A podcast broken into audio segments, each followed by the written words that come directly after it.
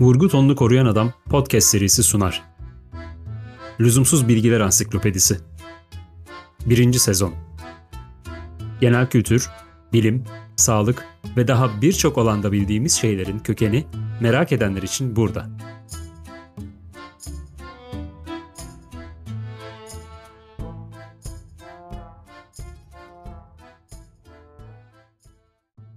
İngiltere'de trafik niçin soldan akar?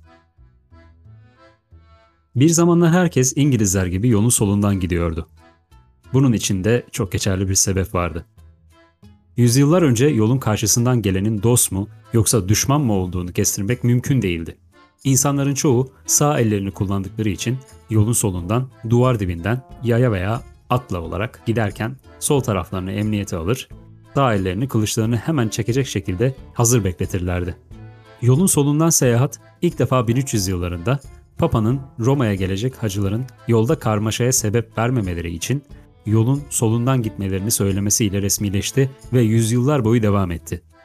18. yüzyılın sonlarında Amerika Birleşik Devletleri'nde birçok atın çektiği posta arabalarında sürücü koltuğu yoktu ve sürücü en arkada ve soldaki atın üstünde oturuyordu. Bu da yolun solundan gidildiğinde karşıdan geleni ve yolun kontrolünü zorlaştırıyordu. Çok geçmeden Amerika Birleşik Devletleri'nde trafik sağdan işlemeye başladı. Fransız ihtilali sırasında ihtilalin liderlerinden Maximilien Robespierre büyük bir olasılıkla Katolik kiliseye meydan okuyanlara bir jest olsun diye Parislilerden yolların sağından gitmelerini istedi.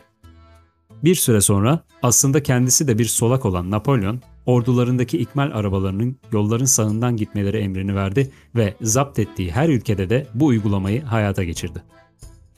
İngiltere hiçbir zaman Napolyon tarafından zapt edilemediğinden İngilizler yolun solundan gitme alışkanlıklarından vazgeçmediler. Avustralya, Hindistan gibi tüm eski sömürgelerinde de bu usulü devam ettirdiler. Zaten İngilizler de Amerikalılardan farklı olarak sürücü arabanın üstünde ve sağında oturuyordu. Modern araba teknolojisinin gelişmesiyle bu gelişimin dünyada öncüsü olan Amerika Birleşik Devletleri'nde sürücü koltuğu ve direksiyon sağdan gidişe uygun olarak sola konuldu ve dünyanın birçok bölgesinde bu şekilde yaygınlaştı. İngiltere'de ve eski sömürgelerinde trafik akışını sağ şeride almanın faturası o kadar yüklüdür ki artık isteseler de kolay kolay bunu yapamazlar. Hangi ülkede olursanız olun, trafiğin yönü ister sağdan olsun, ister soldan Karşıdan karşıya geçmeden önce siz yine de her iki yöne bakmayı ihmal etmeyin.